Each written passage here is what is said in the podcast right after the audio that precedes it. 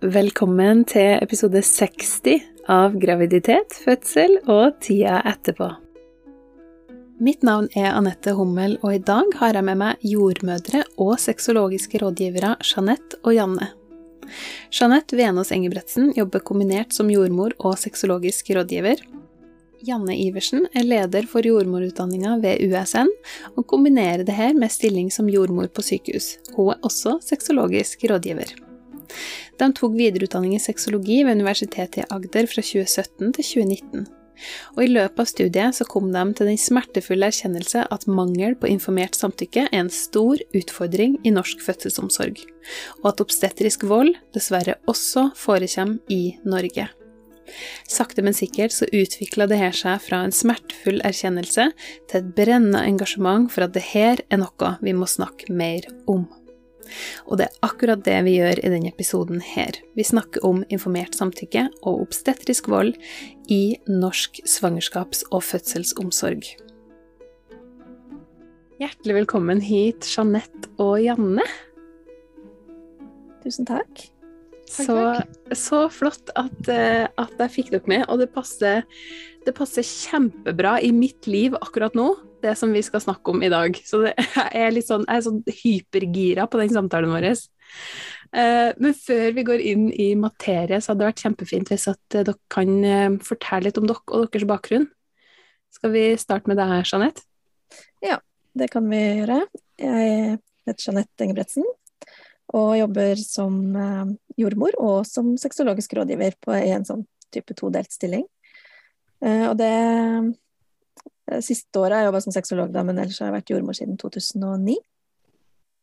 Uh, eh, ja. Og jeg studerte sammen med Janne på sexologistudiet. Ja, ikke sant? Ja. Og dere var jordmødre først, begge to, og så har dere studert sexologi etterpå. Ja. ja.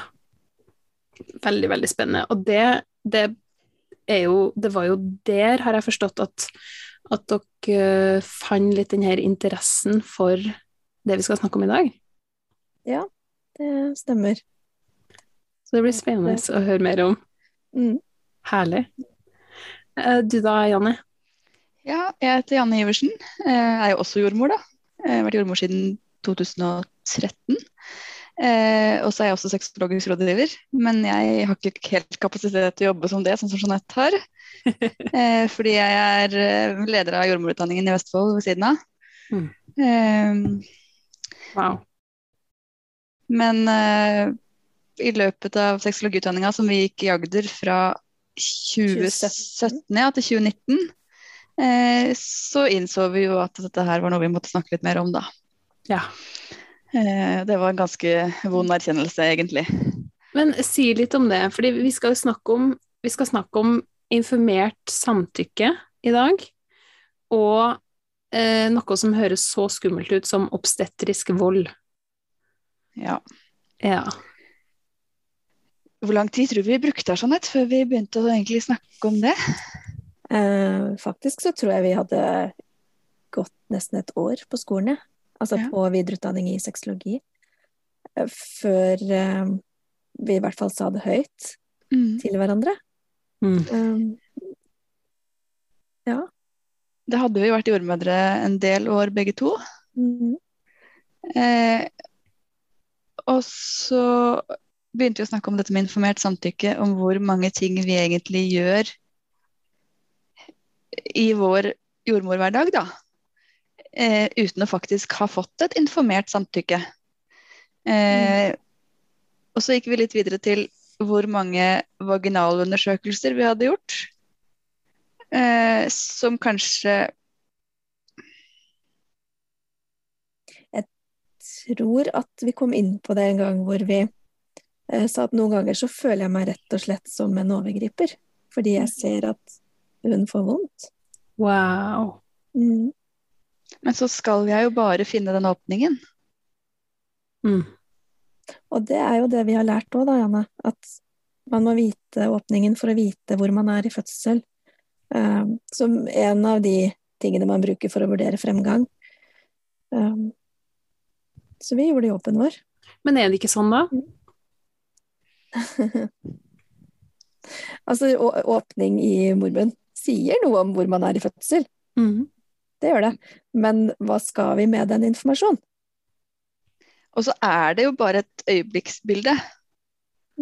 Ja. Eh, det sier Altså ja, ja, selvfølgelig har du en langsom fremgang og alt sånt, så er det jo, kan det være nyttig. Men det er jo mange andre måter å vurdere om det er en normal progresjon på. Og ja, hvis man bare ser på retningslinjer i verden, da, så anbefaler jo WHO eh, vaginalundersøkelser hver fjerde time. Mm. Mens eh, på ganske mange fødeavdelinger så gjør vi det kanskje hver time. Oi. Og er, altså, med forskjellige årsaker, da. Mm. Men eh, vi har jo en litt sånn cervix-sentrert fødselsomsorg, hvor vi bare er opptatt av er det fire centimeter eller er det åtte centimeter. Og Ja. det har jo kanskje ikke alltid så mye å si. Da har du en flergangsfødende, så kan hun jo ha fire centimeter i ene øyeblikket, og så føder hun i neste. Ja. Hadde det da noe å si? Mm. Eh, eller det vi har snakka mye om, Jeanette, er jo enda mer de som er tidlig i fødsel. Mm. Det er jo som regel da det er vondest. Ja. Og hvis man ikke finner eh, noe åpning i det hele tatt, og man må liksom litt langt inn i skjeden for å, for å leite etter åpningen, har det noe å si om Mm. eh, Altså, hvis ikke det er spesielle grunner til at man må eh, vurdere igangsetting av fødsel og sånne ting, at det har en mening. Men hvis, hvis det er spørsmål om er hun i fødsel eller ikke, eh, fordi hun har rier, lurer eh, hva skal vi med det, hvis ikke vi finner den? Mm. Da Vi er, det ikke, da er det jo ikke ti centimeter. Nei. Vi, vi finner jo mye færre, færre åpninger vi nå enn vi gjorde for noen år siden. Og det er jo ikke fordi at ikke, man, ikke vi klarer å finne de. Nei. Hvis vi hadde hatt veldig lyst. Ja. Eh, ja, jeg tenker også det i forhold til induksjoner, da. Så har vi bestemt oss for at vi skal gjøre en induksjon. Trenger å vise om det har blitt ett poeng mer modent, på en måte? Hvis alternativet bare er at jeg skal gi henne tabletter allikevel. Mm. Ja. ja, den der er litt interessant, ikke sant. Hva gjør vi med informasjonen når vi får den? Og hvis vi ikke har tenkt å gjøre noe med informasjonen, eller hvis informasjonen ikke utgjør noe forskjell, så trenger vi egentlig ikke den informasjonen. Nei. Og mange ganger så kan man spørre seg uh, hvorfor skal jeg undersøke akkurat nå? Hvem skal ha den informasjonen? Um, og hva, hvilke konsekvenser får det, da? Ja. Hvis jeg undersøker? Hvis jeg finner tre centimeter, hva, hva betyr det? Ja. Kjempe... det er ikke noe mindre vondt eller mer vondt om det er tre centimeter eller to centimeter. Det har ikke så mye å si. Nei. Ikke sant? Men likevel så er det jo, så er det jo som du sa, Janne, et litt sånn cervix-sentrert eh, fokus. Jeg syns den var veldig fin. Den skal jeg bruke. Det er jo det vi har. Ja, ikke sant? Eh, Men hvis vi heller hadde fokusert på at hun var trygg og ivaretatt, på en måte, så kanskje det hadde hjulpet bedre det enn at vi bare var opptatt av om det var to centimeter eller om det er fire centimeter. Altså, ja. Eller hvordan hun jobber med riene, mm, for eksempel. Hvordan, for det sier oss veldig mye om fremgang i fødsel. Ja. Hvordan en kvinne jobber med riene sine. Mm, klart det. som, og som jeg stadig vekk maser på mine studenter, lær dere å lese en kvinne i fødsel. Mm. Eh, du, Det var godt du slang på i fødsel, for det ja, ja. Eller så kanskje, men, men det er jo mange ting man kan se på fremgang med å ha sett nok fødsler. Mm. Eh, hva gjør hun nå, åssen lyder har hun, åssen mm. Og hvis du føler deg trygg på det, da, så kan du dokumentere det. Eh, og så kan du kanskje utsette den neste vaginalundersøkelsen litt, da. Ja. Um, Wow. Ja. Jeg er så takknemlig for at du jobber på jordmorutdannelsen. Jeg syns det er helt fantastisk eh, gevinst for landet vårt. Det oi, det, det var en altså. stor det, det, var et, det var et skikkelig ansvar, kjente jeg. Ja, men det Ja, men det, det ansvaret, det tar du jo. at det at du lærer opp nye jordmødre i denne typen tankegang, ikke sant, og ikke minst snakke om det med informert samtykke. Eh, men nå har vi sagt en del om Altså, vi har nevnt informert samtykke et par ganger, men kan vi gå litt tilbake og så snakke litt om hva er egentlig et informert samtykke, og hvorfor er det så viktig at kvinner i fødsel skal gi sitt informerte samtykke? Skal jeg begynne, da, som har drevet og lest lovverket i dag? Gjør det. Når man er litt nerd etter nattevakt. Um, pasient- og brukerrettighetsloven har en paragraf 4-1 som heter uh, hovedregel om samtykke. Ok. Der den lovfester rett og slett det generelle kravet til å informere eh, til at et informert samtykke er et rettsgrunnlag for det å yte helsehjelp. Mhm. Så det står at, og så står det også at pasientens samtykke er bare gyldig eh, dersom pasienten har fått tilstrekkelig informasjon om sin helsetilstand og innholdet i helsehjelpen til å faktisk ta et valg. Eh, det innebærer at pasienten skal ha hatt informasjon om eh, formål med det vi skal gjøre, metode, eh, hva vi forventer av fordeler, og hva vi eventuelt forventer av mulige ulemper eller farer. Mm. Eh, og pasienten kan når som helst trekke det samtykket. Ja. Spørsmålet er da om vi er gode nok til det. Det er spørsmålet. Ehm, nå Det som jeg hang meg litt opp i nå, i det som du sa nå, det var at man skal ha nok informasjon til å kunne ta et valg. Så det er snakk om et valg her. Mm -hmm. um, mens at jeg har både fra min egen opplevelse og fra en del meldinger som jeg får fra kvinner, uh, at det er mange som kanskje ikke helt opplever at de har et valg i en del ting i eh, svangerskaps- og fødsels- og ja, også barselomsorgen. Og da er vi jo litt ute på vidda, er vi ikke det? Vi er ganske langt ute på vidda, tror jeg. Ja.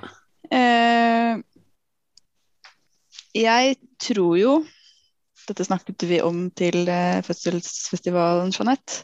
Mm. At eh, helsevesenet henger litt igjen i en eh, sånn litt sånn paternakalsk tankegang om at vi vet best hva som er bra for deg. Mm. Um, så dermed så forventer vi at uh, når vi forteller at sånn skal vi gjøre det, så godtar alle det. Ja. Um, og det er en litt sånn derre fortidsgreie, da. Um, der fant jeg notatene mine. Hvor man har på en en sånn oppfattelse av at eh, kvinner er litt sånn nyttige konteinere for å reprodusere mennesker. og at uh, vår helse og våre følelser og eventuelt vår, og vår selvbestemmelse da, Mm. uh, noen ganger faktisk må ofres i på en måte morskapens navn. Fordi at det eneste riktige og det eneste viktige er jo tross alt at barnet ditt har det bra. Mhm. Ja, Ja. og hvis man da sier at målet er frisk mor og friskt barn Mhm. Så det er det vi skal sørge for hele tiden, en frisk mor og et friskt barn. Ja. Men så er kanskje den tankegangen også kortsiktig, da, for målet vårt er å, at mor og barn lever når vi skriver ut av barsel. Det er ikke egentlig hvordan den psykiske helsen til mor og barn er i lang tid, eller mm. Sant. Jeg vet ikke om jeg svarte på spørsmålet nå, men uh... Jeg vet ikke om jeg husker akkurat hva jeg spurte om engang. jeg jeg syns du svarte på spørsmålet. um, tror du gjorde det, Anne. Men så tenker jeg også på det at eh, de som jobber med fødsler, er jo også mennesker, ikke sant. Så Mhm. eh, man må være veldig bevisst den informasjonen man gir, når man skal sørge for at en kvinne får ta et informert eh, valg, da. Ja. Eh, og hvis jeg som jordmor har sterke meninger om at eh, du bør gjennom den undersøkelsen, mm. det er bra for deg, eh, så er det vanskelig for meg å ikke la følelsene mine liksom skinne gjennom, Ja. uten at jeg bevisst tenker på det. Mm. og det er jo et viktig poeng, at vi tror jo at fra helsepersonell så er det godt ment. Ja. Um. Det vil jeg tro. Men det er, jo, det er jo kanskje en av de tingene vi lærte mest i løpet av sexologien, da, at det som er riktig for meg, er ikke nødvendigvis riktig for deg eller for deg. Mhm. Mm. Ja, nettopp. Det er, ja, og det er, jo, det er jo en kjempeviktig del av det her, fordi at um, Altså, man kan, man kan trekke paralleller til så mange deler av, eh, av hvordan vi lever, da, på en måte. Eh, fordi at måten jeg lever mitt liv på, er kanskje ikke den samme måten som du ønsker å leve ditt liv på. Eh, altså, du har blitt jordmor, og jeg blir Lola, ikke sant. Altså, eh, jeg tror ikke jeg hadde ville vært jordmor, og det er ikke sikkert at du ville vært doula heller. Og, og det er på en måte eh, Men det betyr ikke at, at jeg kan på en måte si at ditt valg er feil. Det er bare et annet valg. Ja. En annen måte å gjøre det på. Vi brenner jo for det samme, for så vidt. Ikke sant? Vi gjør jo det. Men man gjør det på forskjellige måter. Og vi ønsker jo at eh, Eller målet er jo det samme. Mm. Ja, nettopp. Men det er det å, det å på en måte erkjenne at andre tar andre valg enn meg, da. Og erkjenne at uh, når jeg gir deg informasjon, så um, må jeg gi deg faktisk hele informasjonen. Jeg må, ikke gi deg, jeg må gi deg mer enn den informasjonen som skal- skal til for at du tar det valget jeg vil at du skal ta. Ja. Og du Eh, skal kunne ta et valg. Du skal ikke overbevises om det rette valget. Mm. jeg liker veldig ofte å bruke eksempler med induksjon pga. overtid. Ja. Eh, som er en sånn greie i Norge hvor vi sier at eh, når du blir 42 uker, da skal vi sette i gang fødsel. Ja. Fordi det er tross alt dobbelt så stor sjanse for at barnet ditt dør etter uke 42. Ja. Eh, det er jo for så vidt sant, det. Eh, at det er dobbelt så stor sjanse. Men for det første så viser jo en Cochrane-studie som eh, at eh, vi induserer 426 kvinner for å forebygge et dødsfall. Ja. Det er ikke norske, norske tall, så de tror det er mye høyere i Norge. Jeg hørte en gang et sted mellom 650 og 750 induksjoner. Og så kimser jeg ikke av det ene barnet som dør, men jeg tror vi kimser ganske mye av hva vi påfører de 426 andre, eller flere, da. Ja. Eh, men eh, får de kvinnene informasjon om at eh, i uke 41 så har vi 17 eh, intrauterine fosterdøder per 10 000 fødsler. Ok. Veldig få, med andre ord. Ja. Og dette tallet dobles i uke 42. Da snakker Ja. vi om, 30, nei, om 32 fødsler, altså dødfødsler, for per 10 000 fødsler. Ja. Eh, men det er jo ikke et stort tall. Nei. Per 10 000, tenk det. Men hvis du får beskjed om at det er dobbelt så stor sjanse for at barnet ditt dør i uke 42, Ja. Så sier du ja, ja, selvfølgelig ble jeg satt i gang. Jeg vil jo ikke at barnet mitt skal dø. Ja. Så hvis du istedenfor Hvis vi istedenfor å si at uh, du Anette, når du kommer til uke 42, da får du time til igangsetting av fødsel. Mm. Så har du fått beskjed om at uh, ved uke 42 så får du tilbud om gang- igangsetting av fødsel. Uh, da vet vi at så og så mange blir indusert for å forebygge et dødsfall. Eh, og vi vet at eh, i uke 41 så har vi 17 eh, i snitt da, 17 eh, intrauterine fosterdøder på 10 000 fødsler, mens i uke 42 så har vi 32 på 10 000. Ja. Eh, hvis du velger å ikke induseres, eh, så får du komme hver dag eller annenhver dag, eller jeg vet ikke akkurat hvordan man skal løse det. men det kommer litt an på hva man ønsker, men Ja. til undersøkelse og kontroll. Eh, og altså Hvis alt er greit, da, så fortsetter vi. Hvis, hvis du ønsker å induseres på 42 uker, så skal du få lov til det. Mm. Hva ønsker du? Ja. Det hadde ikke vært så veldig stor informasjon som skulle til Nei. før du kunne ta et informert valg om hva som var riktig for deg. Og så er det jo noe helt annet Det, det som du sier nå, er noe helt annet enn enn det som, det som jeg i hvert fall har hørt at kvinner har fått beskjed om, og det er sånn Jeg lar deg ikke gå over 42 uker. Du får ikke lov til å gå. Eller hvis du skal gå over 42 uker, så må vi. Mm. Og vi må faktisk ingenting.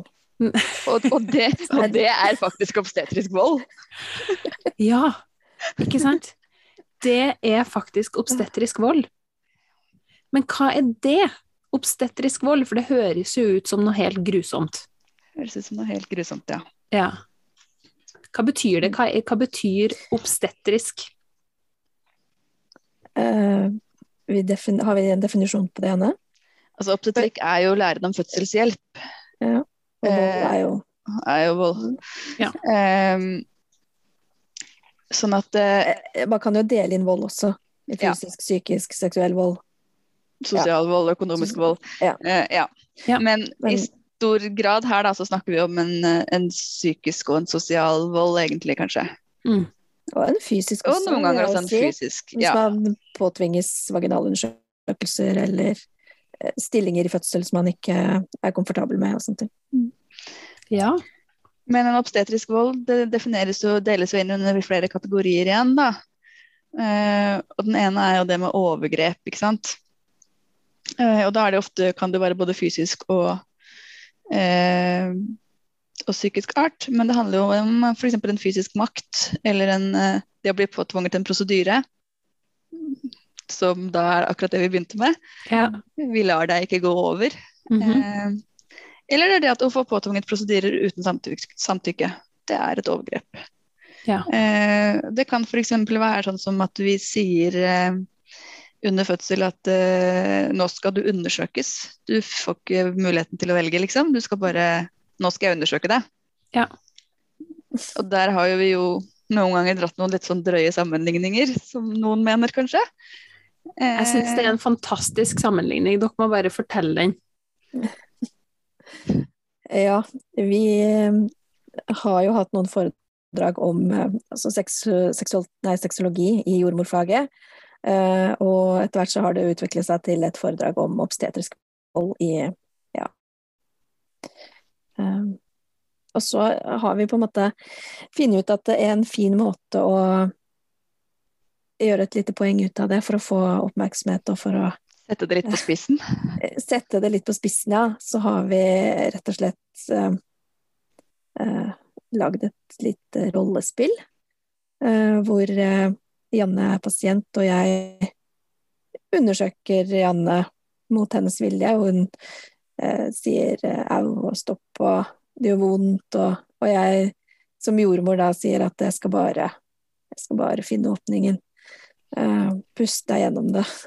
Og da fryser jeg selvfølgelig, fordi det er jo responsen man har. Åssen valg har man når man ligger der og blir undersøkt? Jeg kan, jeg kan ikke flykte. Jeg trenger Jeanette som skal hjelpe meg. Ja. Jeg kan ikke kjempe mot deg, for jeg trenger deg. Da er det frys som står igjen. Mm. Ja, og så ligger man som regel, eh, ikke alltid, men som regel så ligger man litt sånn på rygg med beina ut, uten klær på underlivet i hvert fall. Um, veldig sårbar uh, situasjon. Ja. Uh, og så snur vi scenen litt, Vi pleier, vi pleier først å spørre de i salen om noen har sett situasjonen, om noen har vært med på det, Ja. har opplevd det. Eh, og så pleier den ikke nikkes en del. Ja. Og da pleier vi å si at for vi har gjort det. Sånn at vi på en måte har i hvert fall erkjent at her er ikke vi noen supermennesker. Men Mm. så snur vi da scenen litt. mm. Eh, Og da har vi en voldtekts-CD som vi rett og slett spiller. Mm. Hvor Janne sier de eksakt samme orda som under undersøkelsen, og jeg også sier omtrent det samme. Bare at da skal du komme først, da. Men det er jo Jeg skal bare komme. Ja. Ja. Uh, ja, vent litt. Snart ferdig. Jeg kommer nå. Ikke sant. Da pleier det å bli ganske stille og trøkka stemning i den salen. Mm. Ja. Jeg har jo vært vitne til det på fødselsfestivalen, når dere hadde foredraget deres på fødselsfestivalen, og fy søren, altså. Frysninger over hele kroppen. Og det, det får jeg nå når vi snakker om det òg.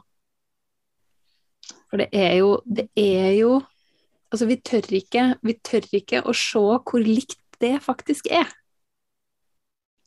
Det er jo vondt. Det var Mhm. utrolig vondt for oss som jordmødre når vi begynte å tenke at vet du hva, definisjonen på en voldtekt, det er jo å putte noe i hulrom på et annet menneske som ikke har samtykka. Mm. Eh, Det trenger ikke å være sånn at jeg får en seksuell nytelse av det. på en måte. Det er jo jeg har faktisk puttet mine fingre inn i en kvinnes vagina uten samtykke, og hun har bedt meg om å stoppe. Og jeg Mm. skal bare. Eller i, faktisk i hennes rom Mm. etter fødsel. Mm. Ja. Uh, mm. Absolutt. Wow. Eh, ja, og mange ganger så har vel Janne og meg også snakka om det at uh, Tenk hvor mye enklere det var hvis vi kunne gå tilbake til før 2017. Hvor vi faktisk ikke hadde de her eh, tankene og bekymringene. For dere sjøl, ja. Mm. Ja. Ja. Mm. Men vi kan jo ikke det, og vi kan ikke Nei. ikke si noe om det nå.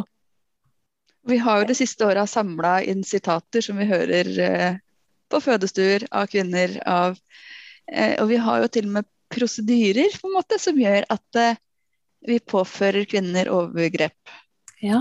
Um,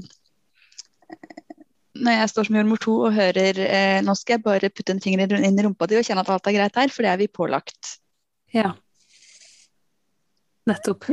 Hadde du sagt nei til å få en finger i rumpa da, Anette? Du kan jo ikke det. Nei, du kan jo ikke det. Nei. Jo, du kan det. Ja. Altså, man skal ikke være personlig, kanskje, men uh, Mm. Jeg sa nei. Gjorde du det? Um, Viktig å være litt personlig innimellom. Ja, ja men det syns jeg altså. Og nå ble jeg litt nysgjerrig, ikke sant? Fordi Mm. du sa nei. mm, Men da hadde, det var ikke ditt første barn, Jeanette.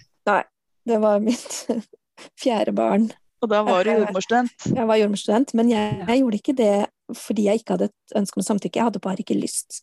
Det var Mm. uh, Jeg hadde ikke lyst til å ha mer vondt. Nei. Jeg ville ikke.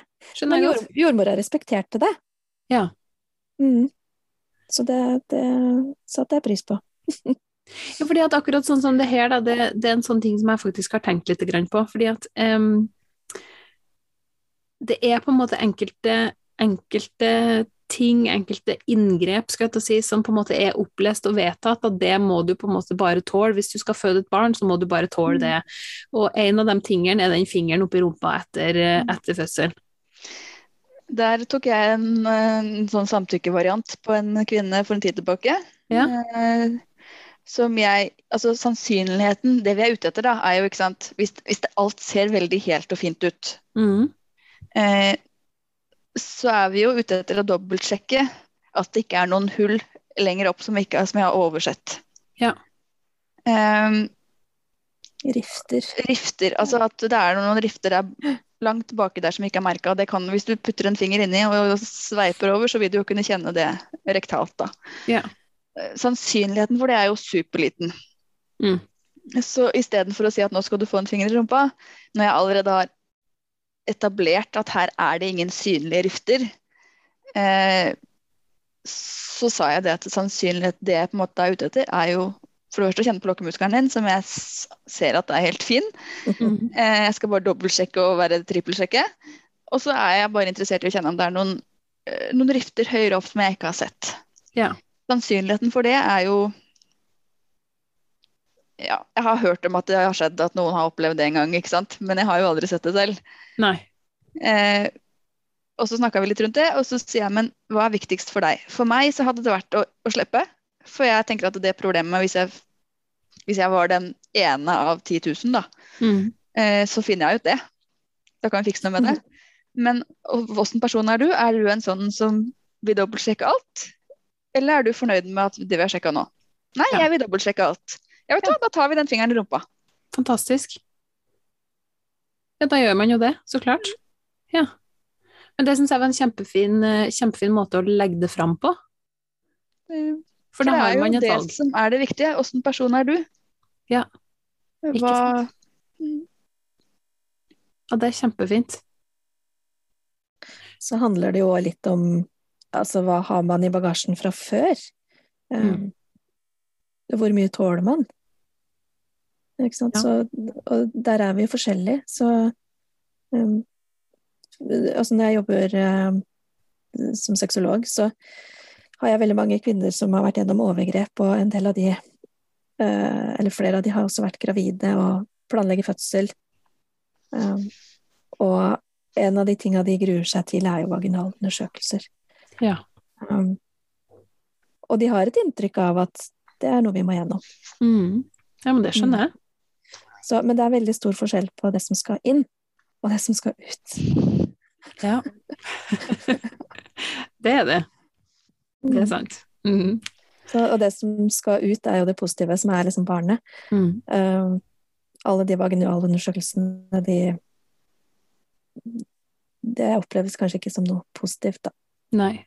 Så som vi har sagt til mine studenter noen ganger, Jeanette, er at vi, vi vet jo at én av ti kvinner har opplevd en voldtekt. Mm. Én av tre har opplevd et eh, seksuelt overgrep av en eller annen form. Mm. Eh, Det står ikke på én av ti eller én av tre helsekort. Nei. Det gjør det nok ikke. Mange som ikke forteller om sånt. Så vi Mm. må jo Veldig mange har også en usikkerhet rundt om det faktisk var et overgrep. Um, Ja. Fordi at eh, kanskje jeg ikke sa nei tydelig nok, kanskje jeg ikke burde gått der, kanskje eh, Nei, det er mange som har opplevd ting som er verre enn meg, det jeg har opplevd. Sånn, Vi var jo kjærester. Ja, vi var jo Ja. kjærester, så da måtte jeg vel egentlig stille opp. Mm. Uh, og, og når man kommer i fødsel og plutselig får det der liksom flashbacksen eller um, får de samme reaksjonene Mm. som den gangen, og der skjønner at oi, shit, jeg har noe med meg som er litt uh, vanskelig. Ja. Mm. Ja, wow. Og da er det jo, da er det jo så viktig å ha muligheten til å si ja eller nei til et sånn type inngrep som f.eks. vaginalundersøkelse. Mm. Mm. Ja, wow.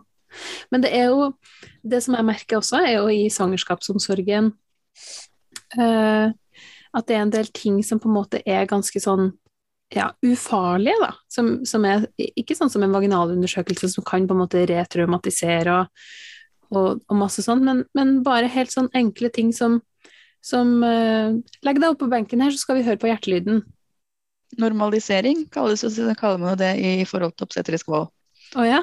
Um, det at på en måte vi ikke spør før vi tar på magen din. Ehm, Eller bare språkbruk som 'du får ikke lov til', eller eh, 'jeg gir deg lov til å gjøre sånn', eller 'vi er nødt til å gjøre sånn', eller Ja. Forsøk på tvang da, ved, hjelp, ved bruk av begrensa informasjon. Ehm, Ja. Ikke sant? All den, den derre Jeg vet ikke hva jeg skal si akkurat nå, men den eh, litt sånn normalisering av den gravide kroppen som noe vi i helsevesenet bestemmer over, da. Ja, ikke sant? Så jeg blir på en måte prima gjennom, gjennom svangerskapsomsorgen, så primer seg til å bare si ja til alt jordmora sier at jeg skal gjøre, Men jeg, jeg tror ikke vi mener det som jordmødre heller. Vi, vi anbefaler jo det som vi har troa på, og som vi mener at er best, da. Så det Ja, er for det jo er det som er så interessant også, fordi at når, jeg, når min jordmor på helsestasjonen, da, når hun har sagt eh, eh, bare legg deg på benken, så gjør vi sånn og sånn, ikke sant? Som om det ikke er et valg. Eller noe annet, ikke sant? Det kan være hva som helst. Og så har jeg stilt spørsmål, og så har jeg til slutt sagt ved et par anledninger, så har jeg sagt ja, men da, da takker jeg nei takk til det. Mm. Eh, og da er det jo ikke det noe problem, da er hun bare full av forståelse og ikke noe 'ja, men det er helt i orden, det er ditt valg', og sånn at jeg tror jo ikke at hun prøver Og egentlig å så presse ble, meg til noe. blir jeg kanskje ganske stolt. Ja, kanskje, det kan hende. Jeg blir i hvert fall det når noen eh, liksom Men nei, men eh, tenker jeg heia deg. Ja, så fint. så bra at du tenker sånn. Ja, jeg føler i hvert fall ikke at jordmora på helsestasjonen Jeg føler ikke at hun tenker at jeg er vanskelig eller dum eller Altså, jeg føler jo at jeg har hennes støtte i det. Og så er det jo et viktig poeng at uh, vi er jo også vant til at de fleste bare vil alt Altså kjøre plankekjøring og ta hele løpet og Ja. Nå er jeg gravid, så nå legger jeg meg i deres hender og lar dere gjøre som dere vil. Ikke sant? Det er jo det vi er vant til, er vi ikke det, Jeanette? Jo, så føler jeg at veldig mange av våre pasienter har veldig tillit til den jobben vi gjør. Mm. Fordi vi innehar jo en kunnskap som de aller fleste pasientene ikke har. Ja. Og de er jo tvinga til å stole på oss, og at Mm. vi vil dem vel. Ja. Mm. Og så er det òg det at eh, gravide kvinner er, er jo unge pasienter. Eh, Det er klart at det spiller jo inn på om man tør å si ifra at 'dette ønsker jeg ikke', eller hvis man Mm. er ung og litt usikker. Mm. Absolutt. Og det fikk meg til å tenke på Ja, unnskyld. Ble du legge til nå? Nei. Ok. For det, det du sa nå, det fikk meg til å tenke på det her med, med informasjon. Fordi, fordi dere som jordmødre er dem som sitter med informasjonen, ikke sant? Dere har all informasjonen som skal til for å ta et informert valg. Eh, og i utgangspunktet så eh, så de fleste gravide tenker da ja, men du vet hva som er best, så da gjør vi det som du sier, ikke sant? Men, men hvordan er det da i forhold til Ja, Jeg vet egentlig ikke helt hvordan jeg skal formulere et spørsmål ut av det her, men jeg tenker på det med informasjon og, og hva som på en måte Hva skjer hvis at jeg ikke har nok informasjon til å ta et informert samtykke? For da er det jo bare et samtykke, da er det jo ikke et informert samtykke. Ja, men du tar mest sannsynlig et valg uten at du har all informasjon. For det er jo ikke sånn at du får nødvendigvis muligheten til å gå hjem og tenke på det, eh, og søke opp informasjon sjøl. Altså, du må ta et valg der og da og stole på at du har fått den informasjonen du trenger. Ja. Men det fins jo en veldig god, eh, hvis man er interessert i eh, er, er en sånn da, som har lyst til å ha valgmulighetene, Ja. eh, så er jo den derre brain-akronymet ganske godt å ha med seg Veldig. når du kommer til jordmor eller lege. Mm. Eh, altså første ben er benefits, hva er fordelene med det som skal gjøres? Mm. Eh, neste er risks, eh, hvilken risiko er involvert? Eh, så var det alternatives. Eh, er det noen andre alternativer enn det dere legger frem nå? Mm. Så er det intervjuer in, eh, in, Jeg klarer ikke å si det på norsk eller engelsk. Intuisjon. Ja, takk! Det er begynt å blande norsk og engelsk nå. Hva sier magefølelsen min meg om dette her? Eh, og så er den siste nothing. Hva skjer om vi ikke handler nå, hvis vi ikke gjør det nå, eller hvis vi venter? Men det krever jo igjen at du er oppegående nok til å vite at du trenger mer informasjon. ja, ikke sant? Og da legger vi kanskje igjen ansvaret på kvinnene, da, som også blir feil. Men det kan være en god tanke å ha med seg hvis man er, er gravid og er på en kontroll og kjenner at det er noe som ikke Kanskje jeg vil helt være med på, da.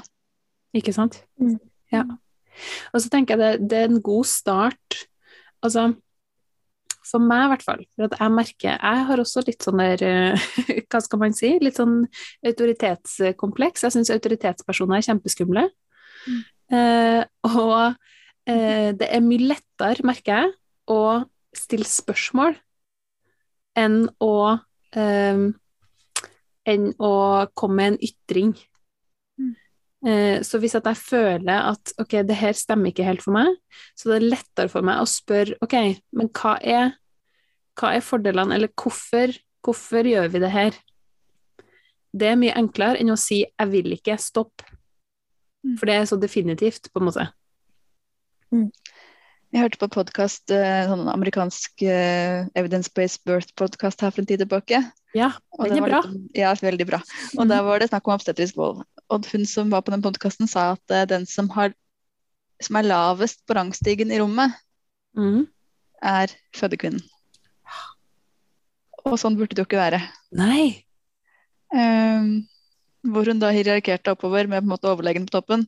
Uh, og har du en mannlig partner, da, så han, kanskje er han høyere enn deg, men når du ligger der og føder, så er du den med på lavest, eller på bånn av rangstigen. Og det burde jo egentlig være motsatt. Ja. Det bør jo det. Det bør jo virkelig det. Den som føder, bør jo være på toppen. Din kropp, din fødsel, ditt valg. Mm. Med, med gode, informerte valg. Ja. Og min, vår jobb er å sikre at du får tilstrekkelig informasjon til å ta gode, informerte valg. Og ikke Ja. bare den informasjonen jeg vil at du skal ha for å ta det valget jeg vil at du skal ta. Nei, så det er, det er faktisk deres ansvar at jeg får all informasjonen. Mm. Som loven sa, skal du ta et, eh, et informert samtykke, så innebærer det at pasienten har fått dekkende og tilstrekkelig informasjon om formål, metoder, ventende fordeler og mulige ulemper. Men det her er jo Altså, det her eh, høres jo veldig fint ut, eh, men jeg føler jo egentlig Jeg prøver liksom å tenke når har det skjedd? Når har det skjedd at jeg har fått all informasjonen jeg trenger, uten at jeg sjøl må etterspørre den for å ta et informert valg? Det jammen ikke Det vet jeg ikke om har skjedd. Det tror jeg ikke norsk fødselsomsorg er skapt for at det skal være mulig. Nei. Men det står jo i loven. Ja, jeg vet det. Mm. Eh, men når du møter mange forskjellige jordmødre da, Mm. i løpet av svangerskap, fødsel og barseltid, folk som ikke kjenner deg, hvordan skal jeg vite hva Anette trenger for å ta et informert valg, når jeg ikke vet hva du bærer med deg? Nei, Det vet du jo ikke. Nei. Nei. Og vi vil jo ofte helsepersonell velge oss eh, motsats, motsatsloven, da, Mm. for å sikre oss. Altså helsepersonelloven paragraf 7 gir oss jo plikt til å gi nødvendig øyeblikkelig hjelp når det antas eh, som nødvendig. Ja. Og i fødsel f.eks. så er det jo den vi da tenker at eh, vi bruker. Ikke sant? Nettopp. Men man er jo ikke, man er jo ikke i livsfare eh, altså fra start til slutt i en fødsel. Altså, det er jo, de færreste er jo faktisk i livsfare i fødsel. Mm. Og det, det er jo Norge, holdt jeg på å si. Eh, Ja. Verdens tryggeste land å føde i. Ja. uh, Men det er jo den loven vi eventuelt vil bruke, da. ja, ikke sant? Nettopp. mm. Hvordan kan jeg, hva kan jeg gjøre som, eh, som gravid eller som fødende hvis at jeg ikke føler at jeg får et valg presentert, men jeg blir bare, jeg blir bare presentert rett og slett hva som skal skje. Nå skal vi prikk, prikk, prikk. Det kan være hva som helst. Hva, hva kan jeg gjøre da? Du kan alltid be om litt tid til å tenke på det. Ja. Ja. Det er klart at i, i, en akutt situasjon i fødsel, da, som, så, som du påpeker, så er jo det egentlig sjeldnere enn det vi får det til å fremstå. Ja. Så har du allikevel tid til å som regel tenke deg om litt. Mm. Eh, og så er det Ja, og der, ja, og der opplever jeg egentlig stort sett at det er um, At man blir møtt på det. Hvis man sier at nå, jeg, må, jeg må summe meg litt, eller jeg må tenke. Um, det her er vanskelig for meg. Nå må jeg bare ha litt tid for meg sjøl. Ja. eller, eller sammen med en partner, eller jeg må diskutere det med noen. ja. Jeg Så får man det. Ja. Uh, Men samtidig, hvis det er helt på slutten av fødselen f.eks., så er det ikke sikkert at man får så innmari god tid til å tenke. Um, Da har jo vi noen ganger lurt på, Jeanette, om eh, altså, Teknisk sett så kan vi jo ikke legge et klipp heller uten et samtykke. Men er man, vi gjør jo det hele tiden. Og er man på det tidspunktet i stand til egentlig å vurdere om om, eh, om Jeanette Jeanette får lov til å klippe meg i tissen, som vi tulla litt med på fødselsfestivalen. Ja, Um, ikke sant? og det klippet blir lagt i det hodekronerjernet. Hvor, hvor på nett, kan man si, da, eller hvor lett er det for en kvinne å ta et valg der og da? Mm. Hvis um, en jordmor eller en lege står der med saksa, klar til å klippe, Ja. nå må vi få ut babyen din. og som regel så sier vi bare at nå, legger, nå legger vi en bedøvelse, så legger vi et lite klipp. Ja. Det er ikke et Ja. spørsmål. Det er informasjon. Mm. Um, mm. Og da men, Og Noen har jo også sagt på forhånd at hvis du skal klippe, så vil jeg ikke vite det. Ja. da, har de, da, da har de i hvert fall tatt et informert samtykke, da. Ja. Eller at da har de tatt et informert valg om at jeg vil ikke vite om det, gjør hva du vil med kroppen min. Ja, fordi man tror at det er et ting Altså en prosedyre man kanskje må ha. Mm. Og før i tida så måtte man jo det, tross alt. Mm. Når alle førstegangsfødende ble klippet. Sant? Men hva hvis jeg f.eks. skriver i fødebrevet mitt da, at eh, jeg vil under ingen omstendigheter bli klipt? Altså, da må for det første vi jordmødre ha kunnskapen vår i, i orden, da. Eh, det var et Gunson-webinar for litt siden om, om episiotomiens historie. Ja. Som sier, da fortalte dem at eh, vi, skal vi forebygge vi, Altså det er jo noen grunner til å legge et klipp. Mhm. Den vanligste er eh, fosterlyd som er eh, ikke sånn som vi vil ha den. Eh, og da sa de at det finnes nye studier nå som tyder på at Apgar etter fem minutter ikke eh, påvirkes hvor, av hvorvidt man legger et klipp eller ikke. Okay. Eh, og Apgar etter fem minutter er viktigere enn Apgar etter ett minutt. Så det betyr jo egentlig at det å klippe for fosterlyd heller ikke har effekt, Ja. kanskje. Mhm. Kanskje. Eh, og så sa de at vi må legge, hvis vi skal forebygge en stor rift, eh, så må vi legge 50 klipp for å unngå én rift som er større enn altså en grad 3 eller 4-rift. da. Ok. Og da påfører vi altså 50 kvinner unødvendig klipp for å forebygge en stor rift. Ja. Så da mente jeg at da må vi heller være gode på å diagnostisere den ene Mm. og suturere den godt, slik at den kvinnen slipper uh, plager seinere, enn å påføre 50 kvinner et unødvendig klipp.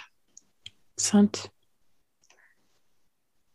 Ja. Men de tingene må jo vi jordmødre oppdatere oss på og få med oss. For det er klart at når vi, vi har jo gått fra en historisk tid der alle førstegangsfødende blei klipt, Ja. til at vi nå tenker at det kanskje ikke har noe stor hensikt. Nei, sant. Eh, og så er det klart Man vet jo at det er en litt større sjanse for en stor rift f.eks. med en vakuum. Hvis du har en førstegangsfødende og absolutt ikke vil det. Men da må vi kanskje ta oss den tida det tar da, til å snakke med deg om det. Hvis Mm. du har det ønskebrevet ditt. Ja. Før Før vi kommer til det punktet. Før vi legger på den vakuumklokka og begynner å dra. Ja, ikke sant? Mm. Og noe annet vil jo egentlig være eh, det siste punktet på obstetrisk vold-lista, mm. som går på degradering. Ja. Det å ignorere fødeplanen din er en degradering. Mm. Eh, hvis man truer med barnets sikkerhet, så er det en degradering. Eh, Mm. for da er jeg tilbake på dette her med ja, Det finnes jo mange eksempler, men nå har jeg allerede brukt 42-0-induksjonen.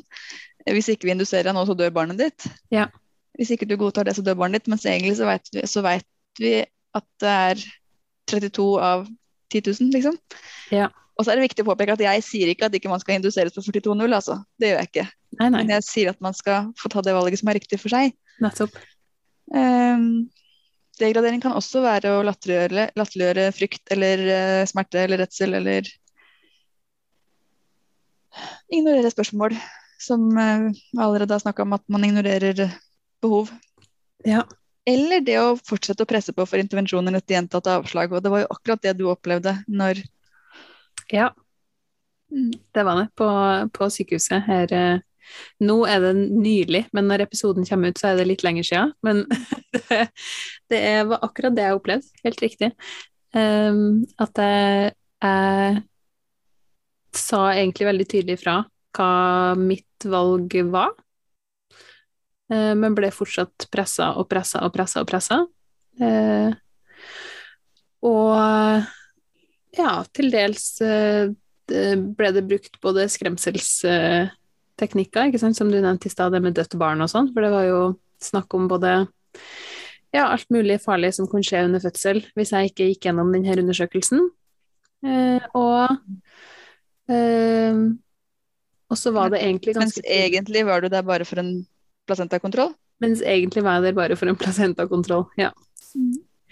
Og så fikk jeg jo til slutt et eh, ultimatum med to valg som begge var egentlig helt umulige.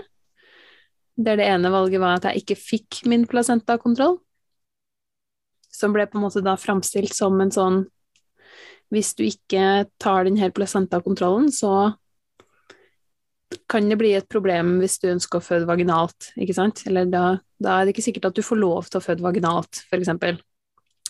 Nei, det er jo også et problem. Det får ikke lov til. Ikke sant? Du får ikke lov til. Ja. Eh, Så det var det ene valget mitt. Eh, Og det andre valget var å gjennomgå denne fulle undersøkelsen som jeg ikke ønska. Så da får jeg jo på en måte et ultimatum. Altså, jeg fikk jo et valg. Og jeg ga jo på en måte et samtykke til slutt, fordi jeg sa ok, men da må vi gjøre det. Og jeg hadde jo informasjon. Men eh, jeg føler ikke likevel at jeg ga et informert samtykke. Men du dro en skikkelig god sammenligning nå på Fødselsfestivalen, Jeanette, som jeg ikke hadde tenkt på før. Nå ser jeg du tenker fælt. Ja, jeg vet hva du tenker på. Du tenker Ja. på det med språk. Ja, og sam Ja. samtykke, ja, samtykkelov og sånne ting. Ja. Mm. Um, ja, for, nå er jeg litt usikker om det er det her du tenker på, men uh, dette med å kunne Altså barn og forebygging av overgrep hos barn. Mm. eh, så handler det jo om at de må kunne vite hva eh, tissen er, de må vite hva rumpa er, de må vite liksom navn på ting. De må kunne sette ord på eh, ting som skjer, Mhm. for å kunne fortelle det. Ellers så er det vanskelig å vite at dette har skjedd. Um, og gravide må jo også få ord på liksom Få lære å ta de valgene. Det var- Vi må gi de eh, midlene til å godta egne valg, på en måte. Ja. Så tenkte jeg også sammenligningen mot at eh, Sverige f.eks. har en samtykkelov eh, når det kommer til voldtekt, da, Ja. eller overgrep. Eh, du, skal ikke, du, skal ikke, du skal ikke på en måte si nei, du skal måtte si ja. Ja. Eh, Mm. og vi har jo ikke kommet dit ennå i Norge. Nei, Men hvis det faktisk er sånn at du kan bli dømt for et overgrep, et seksuelt overgrep, da, hvis, hvis du ikke har fått et ja, Mm. ikke fordi at uh, jeg ikke sa nei, uh, så tenker jeg det kan jo overføres også til eventuelt den samtykke som du opplevde, da. Ja. For du sa jo ikke ja, men du kunne jo ikke si nei heller. Nei. Derfor så måtte du si ja. Ja. Er vel Så var det, jo, var det jo rett og slett for få alternativer Mm. til at du kunne få ta det valget som kanskje var riktig for deg, da. Ja. Hvis du får et ultimatum sånn eller sånn. Mm. Eh, Men jeg vil ikke noen av de to. Jeg vil nummer tre eh, alternativet. Altså, Og har vi da som helsepersonell egentlig rett til? Altså her snakker vi jo ikke om en, en eh, nødsituasjon. Nei, ikke i det hele tatt. Eh, Mange uker før fødsel. Ja. Ja. Eh, Hvis vi da tenker på de reglene vi allerede har vært innom, da. Vi Mm. kan jo ikke her trekke plikten til øyeblikkelig hjelp. Nei. Og da er det jo faktisk sånn at uh, ditt samtykke bare er gyldig dersom du har fått tilstrekkelig informasjon om din, om helsetilstanden og innholdet i helsehjelpen du skal få. Mm. Hvis ikke de da godtar ditt valg, så har du jo ikke gjort et informert valg. Nei. Nei, jeg har jo ikke det. Og jeg, var, jeg var også egentlig ganske tydelig på at jeg ikke ga mitt samtykke. Jeg sa også at det her er jeg ikke enig i.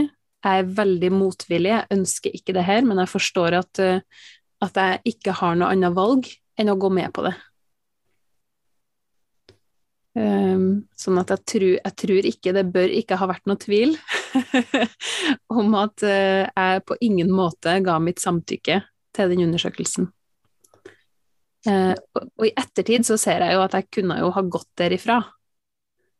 Jeg kunne jo bare ha sagt ja, men da går jeg nå.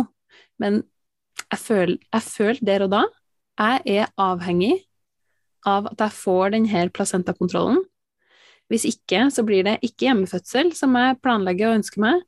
Kanskje det ikke engang blir vaginalfødsel, kanskje jeg til og med må ta keisersnitt.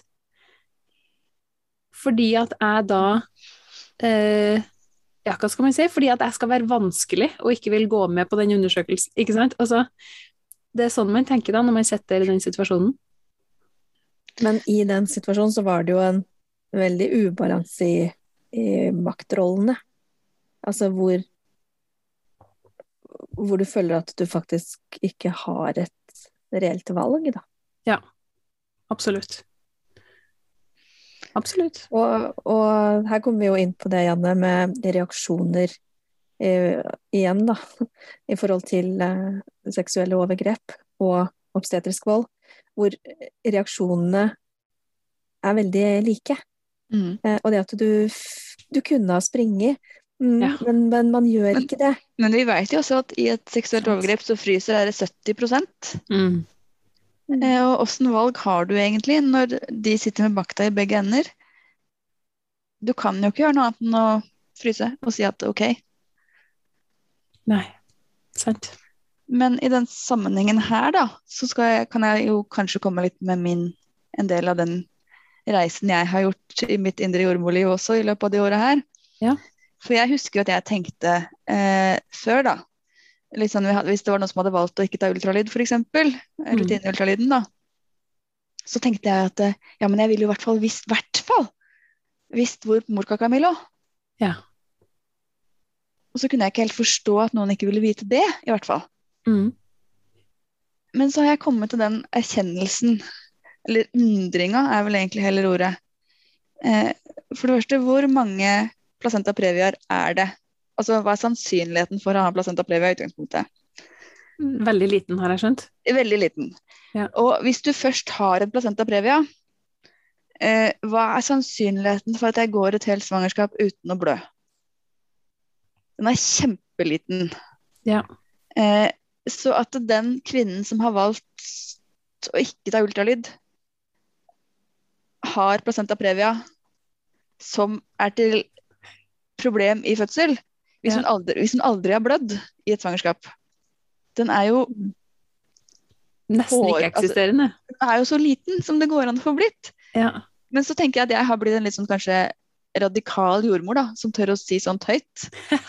Eh, Men jeg har begynt å tenke litt mer sånn OK, men ja, det er en bitte, bitte, bitte, bitte, bitte liten risiko for at man har en placenta previa hvis man velger å ikke se på det.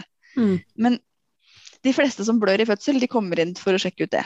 Eller blør i svangerskapet. ja, absolutt.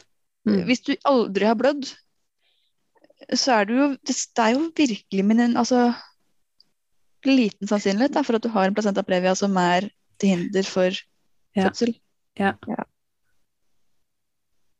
Ja, absolutt. Ja, det er, og det er jo sånne Var jeg helt, Syns du jeg var gæren nå, Jeanette? Ja, du er gæren. Ja, det, Men det er jo sånne ting som det, ikke sant? Det er jo sånn her type informasjon, det er jo den informasjonen vi ikke har, ikke sant? Mm. Man Men jeg, jeg hadde den jo ikke sjøl som jordmor. Nei, nettopp. Nettopp. Så hvordan kan vi da liksom forvente at, at jeg som fødende har den informasjonen? Vi kan jo ikke det. Nei. Og så vet jeg at det er mange som, når Jeanette sier at jeg er gæren, så er det mange jordmødre som kommer til å steile og høre, at meg, høre meg si sånt. Men det er liksom om å begynne å eh, tenke litt sånn Jeg, jeg, jeg savner da at vi risikovurderer i fødselsomsorgen på en litt annen måte. Mm. At vi risikovurderer hva som faktisk er Altså hva er sannsynligheten for at dette skjer for deg? Ja. Ikke eh, ja, Nå drar jeg et helt annet eksempel, men hvis du er eh, fra Afrikas Horn, Mm. eh, så blir du selektert rød. Fordi at du har en større sannsynlighet for det, Du har antakeligvis omskjært og du har en større sannsynlighet for lite barn og sånne ting. Ja. Men eh, hvis du er etnisk fra Afrikas Horn, så uansett hvem du er, hva nå enn du heter og hvem du er, så er du rød, da. Fordi at du er etnisitet derfra. Ja. Det er jo rasisme i praksis, liksom. ja. Eh, ja, det er jo faktisk det, hvis man ikke ser på individet. Mm. Ja. Men vi har ikke prata med hun som heter eh, Safia, eller uh, hva nå enn hun heter, da, og spurt Mm. og, og faktisk vurdert uh, Er du andre generasjons innvandrer og har et uh, godt kosthold, og du er ikke omskjært, og du Altså Sant? Ja. Samme med, med kvinner som etnisk er bitte små. Altså, det er jo forskjell Mhm. eh, hvor man måler en liten baby i magen. Kanskje takk Gud for at ikke hun fikk en svær norsk baby. Ja. Ja, ja. ikke sant? Men og så blir det i- igangsetting av fødsel med bakgrunn i lite barn.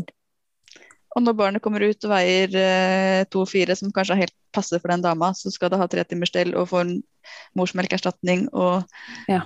ja, tas blodsukker og Ikke Det også er jo rasisme i praksis. Og da ser man jo ikke på at kanskje hun dama sjøl var 2-4 da hun ble født. Og, Og så er hun 1,45 høy. Ikke sant? Ja. Mm. Nettopp. Hvis vi hadde begynt å faktisk se på eh, Anette kommer inn, en førstegangsfødende. Hva er hennes historie? Men for å kunne gjøre det, så må jo jeg kjenne deg. Ja. Og da holder det ikke at jeg møter deg en gang Nei. og skal gjøre meg opp en Og hilser håndhilser mellom rinnene. Ja. Ja. Eller ikke, ikke gjør det lenger heller, men putter fingrene langt opp i to sekunder senere. ja, sant. ja, det er ganske sykt. Ja, det er faktisk helt absurd. Ja, det er helt absurd. Merkelig, altså. Ja. Nei, det er jo, det er jo ikke noe tvil om at det er, det er et helt system her som, som trenger endring. Mm. Ikke sant? Det, det, her, det, det, som, det som du snakker litt om, Jeanette, med, med mangel på kontinuitet. Ikke sant? Mangel på at det faktisk er noen som kjenner meg Mm. i fødselsomsorgen. Ikke sant? At jeg faktisk møter noen som har møtt meg før, som har Mm. snakka med meg før og vet hvem jeg er. Den har vi jo ikke. Og det ville jo antageligvis også laget mye mindre problemer i fødsel. Ja, absolutt.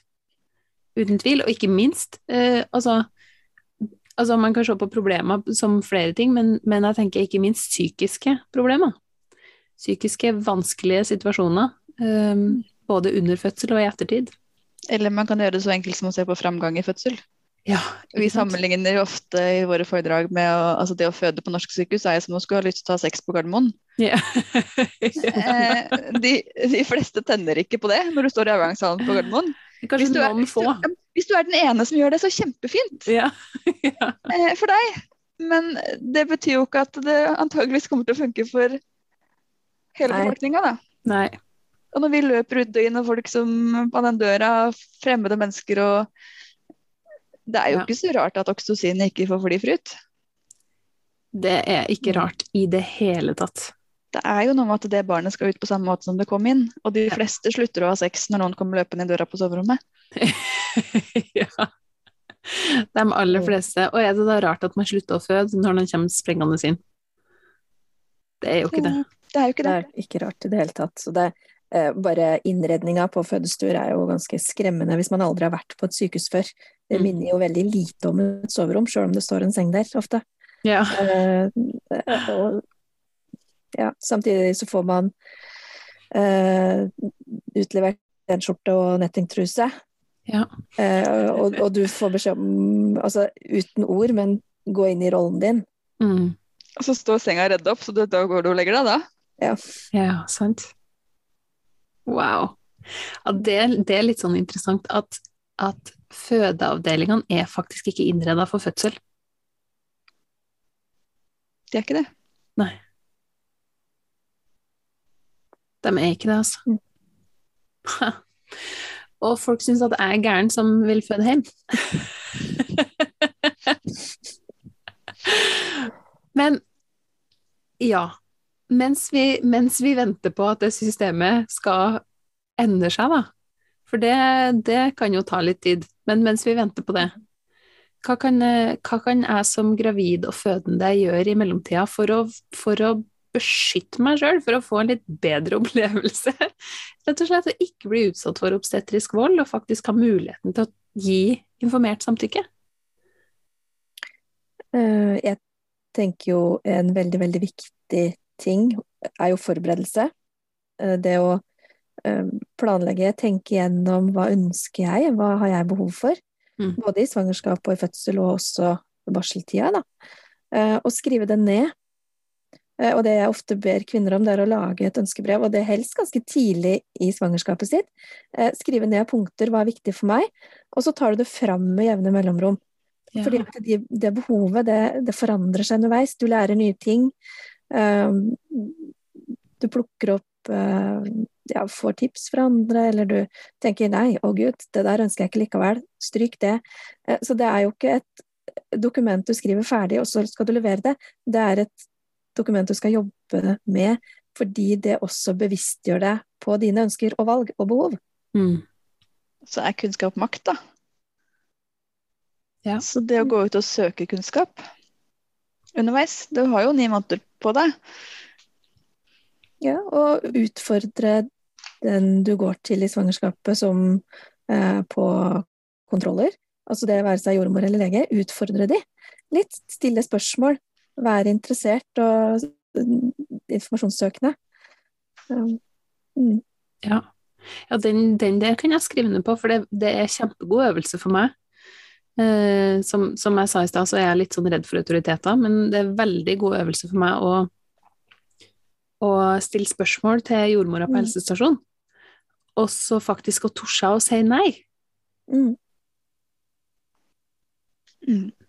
Og så er det noe med å, å få i gang tankeprosesser, Mm. forberede seg. Eh, det er jo ikke sånn at man idet man er gravid, så er man klar for å føde. Nei. Det er en prosess. Ja. Mm. Absolutt. Det er god grunn til at et svangerskap varer så lenge, tror jeg. Mm. Vi trenger det. Ja, og så kommer man til det punktet hvor man faktisk er veldig motivert for å få babyen ut, Ja, eh, og er klar til å gjøre en innsats. Ikke eh, sant. For, for altså, å jobbe med rier og, og Mm. Ja, det er jo et, ofte hardt arbeid som er veldig viktig og meningsfylt, da, tenker jeg. Ja, absolutt. Mm. Absolutt. Og det å stå som jordmor eh, og observere kvinner som jobber med riene sine, og eh, som liksom tar seg sjøl gjennom fødsel, det er helt utrolig. Så mm. Og det er jo ikke til å komme utenom at de aller kuleste og fineste fødslene en jordmor får lov til å være med på, er de der hvor kvinnen har sin empowerment i orden, og hennes autonomi er Altså, det er hun som styrer dette her. Og vi skal bare hjelpe henne med å Ja, vi skal bare Ja. gå veien sammen med henne, da. Ja. Ja, sant. Ja, men det er litt sånn fint at du sier at, det også, at jord, jordmødre setter også pris på det. Det er ikke sånn at de syns ikke du er vanskelig fordi at du tar, gjør det på din måte. Nei, det er jo veldig spennende, faktisk. Hvis Ja. man eh, møter kvinner som er bevisst på hva de ønsker, og eh, Eller det kan være også kvinner som ikke helt vet hva de går til. Mm. Um, men jeg prøver meg fram litt. Det er jo kult. Det er jo en fordel i det, fødsel, i det ønskebrevet som du snakker om også, Jeanette, å ha, ha lagd deg en plan A, B og C. Ja. Mm. Um, jeg ønsker meg f.eks. helst en normal fødsel i badekar fordi sånn og sånn og sånn. Uh, men dersom det skulle bli et keisersnitt, så ønsker jeg hud mot hud-kontakt. Altså, du har liksom tenkt igjennom alle Ja, og så er det selvfølgelig mange nivåer imellom det, men du har faktisk hatt ønsker for flere alternativer, da. Jeg Nettopp. tror, tror at det også er med på eh, å forebygge det å følge nederlag hvis ting ikke ble som du hadde tenkt. Mm. Fordi at man kan ikke planlegge hvert eneste steg i fødsel, men man kan gjøre noe med motivasjon og eh, ja, hvordan du ser på det å jobbe i fødsel. Da. Det kan man forberede seg på, og den blir ikke borte. Nettopp. Uh, Sjøl om plan B blir tatt i bruk. Mm. Ja, det er et veldig viktig poeng. Kjempelurt. Forberede seg til de forskjellige um, de forskjellige typene forløp, på en måte. Mm. Mm. Og også den tida som kommer etter fødselen.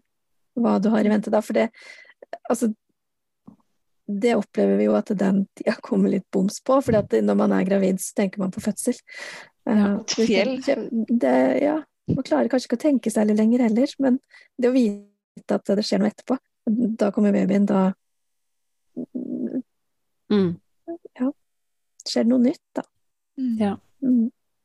Ikke sant? Og så ser jo vi også, hvis du på en måte har både har lagt ønsker for flere alternativer, da, og du har ønsker for barseltida, eh, da ser vi jo at dette er et gjennomtenkt Altså Mm. at det du har ønska, er gjennomtenkt, da. Mm.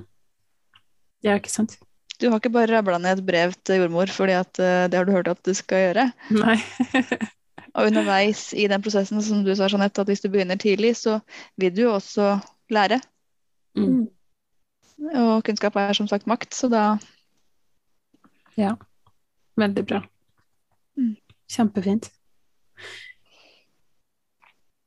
Er det, er det noe mer som dere har lyst til å tilføye før vi runder av i dag? Er det noe viktig vi ikke har vært innom, eller Jeg tenker at eh, altså kvinner er ekspert på sin egen kropp. Eh, når man blir gravid, så skjer det noe nytt med den kroppen. Eh, så er man, føler man kanskje at man ikke er ekspert lenger, men man er fortsatt eh, den som kjenner sin egen kropp best. Ja. Veldig fint. Og så viktig. er det jo sånn at selv om du er gravid og bærer på et barn, så er du fremdeles en egen person som har egne rettigheter. Ja. Ja. Du Det er fort gjort å glemme. Ja. Mhm. Ja. Jeg er ikke bare gravid. Nei, Nei. Mm. din kropp har også rettigheter. Mm. Det er kjempeviktig. Herlig. Åh, tusen, tusen takk. Det her eh, har vært så, så spennende og veldig også litt frustrerende. Det kan vi si oss enig i. ja. Vi skulle jo, jeg hadde vært veldig lettvint å gå tilbake til før 2017. Ikke sant? Bare, Bare- fortsatt å være den jordmora vi var da. Nettopp. Ja. Mm. For det er ganske frustrerende å på en måte eh, se at systemet ikke funker, og føle at man ikke kan gjøre noe med det. Eller At det i hvert fall tar fryktelig lang tid. Og så er det jo litt sånn frustrerende å bli en sånn der bitchy person som på en måte kommenterer mange ting også. Nei, dere kan ikke si at legen har godkjent at hun får lov til å reise hjem, for det velger hun faktisk selv. Ja. Legen kan ikke godkjenne det. Den eneste grunnen til at det vi kan beholde hender her på en paragraf, er hvis hun ruser seg, og det Ja. Da må vi ta prøver av det, ikke sant? Sånne ting. ja. Eh, og altså, sånne ord da, som vi bruker, som du snakka om i stad, også sånn at det med ord Mm. eh, at man, jeg, jeg tror jeg har blitt en litt sånn bitchy jordmor som på en måte noen ganger bare Ja, men hallo, vi kan ikke si at Bra. Takk for at du er den bitchy jordmora som Takk for at dere Takk for at dere tør å ta opp det her. Eh, Ja, takk for at du lar oss ta det opp. Eh, ja. Ja. Mm. Og som vi sa på Fødselsfestivalen, så tror vi jo at framtida er at noen snakker om dette her. Mm. Og ved at noen begynner å snakke om det, så snakker kanskje flere om det. Og, Ja. Og som studentene mine sier, så lager jeg meg en liten hær med studenter. Ja, fantastisk. Å, det gjør meg så glad at du lager den her av studenter. Fantastisk. Jeg håper jeg møter flere av dine studenter i framtida. Det Og det er jeg veldig stolt av, så det håper jeg. Ja, det håper jeg altså. Har dere noen eh, ressurser som dere har lyst til å anbefale til gravide eller småbarnsforeldre? Ja. Skal vi se her. Eh, I forhold til det med litt sånn generelt samtykke og sånne ting, Mm. så er det ganske mye bra på uh, birthrights.uk. Ja. Eh, det er en ganske god side. Og i forhold til obstetrisk vold, så syns jeg den birthmonopoly.com er ganske fin. Mm. Eh, der deler man historiene sine, og jeg tror litt på det å dele historier. Ja, absolutt. Jeg òg. Veldig. Så der er det jo på en måte både i forhold til obstetrisk vold og birth trauma og, Wow. og du, dine rettigheter, da. Jeg vet ikke om vi har noen flere sånn, et sånt på stående fot, men det er jo Når man, Ja. når man begynner å leite uh, på temaet, da, så Mm. finner man veldig mye. Og det, uh, det har skjedd et eller annet med min Instagram og Facebook og alt det. Altså, Ja. du, temaet dukker opp som forslag til meg. Så, Ja, så hvis man først begynner å søke og begynner å interessere seg, så er det ganske mye å finne der ute, da. Ja. Og, og Janne er ja, Google, ja. Der Ja. Janne er ekspert på å sende meg type sitater og som er litt treffende i forhold til det her, da. Men um, ja, Vi planlegger stort sett foredrag på chat, så sånn Herlig. Mm, Og så, og så tenkte jeg på at jeg tenkte på en ressurs. Jeg bruker ikke å gjøre det sånn på slutten av en episode, men nå må jeg bare gjøre det. For jeg vil bare anbefale boka eh, 'Give Birth Like a Feminist' av. Lily Hill. Ja, at, jeg, at jeg ikke tenkte på den. Altså, for den er jo bare Bibelen når det gjelder å, å ta Mm. informerte valg i fødsel. mm. Mm. Helt rå bok av ei rå dame. Og feminismen er jo Det er utrolig kult å begynne å tenke feminisme inn i dette her. Mm. Jepp. I et utrolig patriarkalsk eh, system. Ikke sant? Mm. Absolutt. Ja, wow. Uh, hvor kan folk eh, finne dere hen? Vil dere dele noe kontaktinfo eller uh, et eller annet sånt? Jeg tenker jo kanskje det enkleste er rett og slett å søke oss opp på Facebook. Ja. Um, Vi, vi svarer som regel ganske fort på Messenger begge to. ja. Kjempefint. Og da er det Jeanette Engebretsen og Janne Ja. Iversen. Mm. Mm. Jeanette Venås Engebretsen står det vel som. ja, det gjør det. Ok, fint. Det er fint å få med den. eh, mm, Kjempeflott. Uh, herlig, damer. Tusen hjertelig takk. Det var jo Altså, jeg så dere jo på Vi møttes på fødselsfestivalen, og det bare gjorde så inntrykk på meg, så jeg er så glad for at jeg nå har fått dere med på podkasten, og at vi kan få det her ut til flere. Det var ikke så lett å få det til med turnusliv og Så det var bra vi fikk det til. Vi fikk det til! Yes. Så ja, jeg må bare igjen bare få lov til å si tusen, tusen takk for, for jobben dere gjør, eh, og for at dere deler av denne eh, utrolig verdifulle kunnskapen. Så får vi bare ønske deg lykke til med de neste ukene. Takk for det. Takk for at du hørte på graviditet, fødsel og tida etterpå. Hvis du liker denne podkasten, så er det kjempefint om du vil gå inn på Patrion og støtte podkasten med et lavt beløp i måneden. Det starter på bare 40 kroner i måneden for å være med og støtte opp under og sørge for at podkasten kan fortsette i lang tid framover. Og til gjengjeld så får du forskjellige ting tilbake fra meg. Hva du får, det kan du se på Patrion. Bare følg linken i episodeteksten. Ditt bidrag betyr kjempemye for meg og for podkasten og for alle de fremtidige lytterne som forhåpentligvis får stor glede og nytte av å høre på episodene. I tilfelle det var noen tvil, så vil jeg også nevne at jeg ikke er verken lege eller jordmor. Temaene som tas opp på denne podkasten, er kun ment som generell informasjon, ikke som råd eller oppfordring til handling. Hvis du har spørsmål eller bekymringer når det gjelder din egen eller ungene dine sin helse, så vil jeg på det sterkeste anbefale at du snakker med legen eller jordmora di.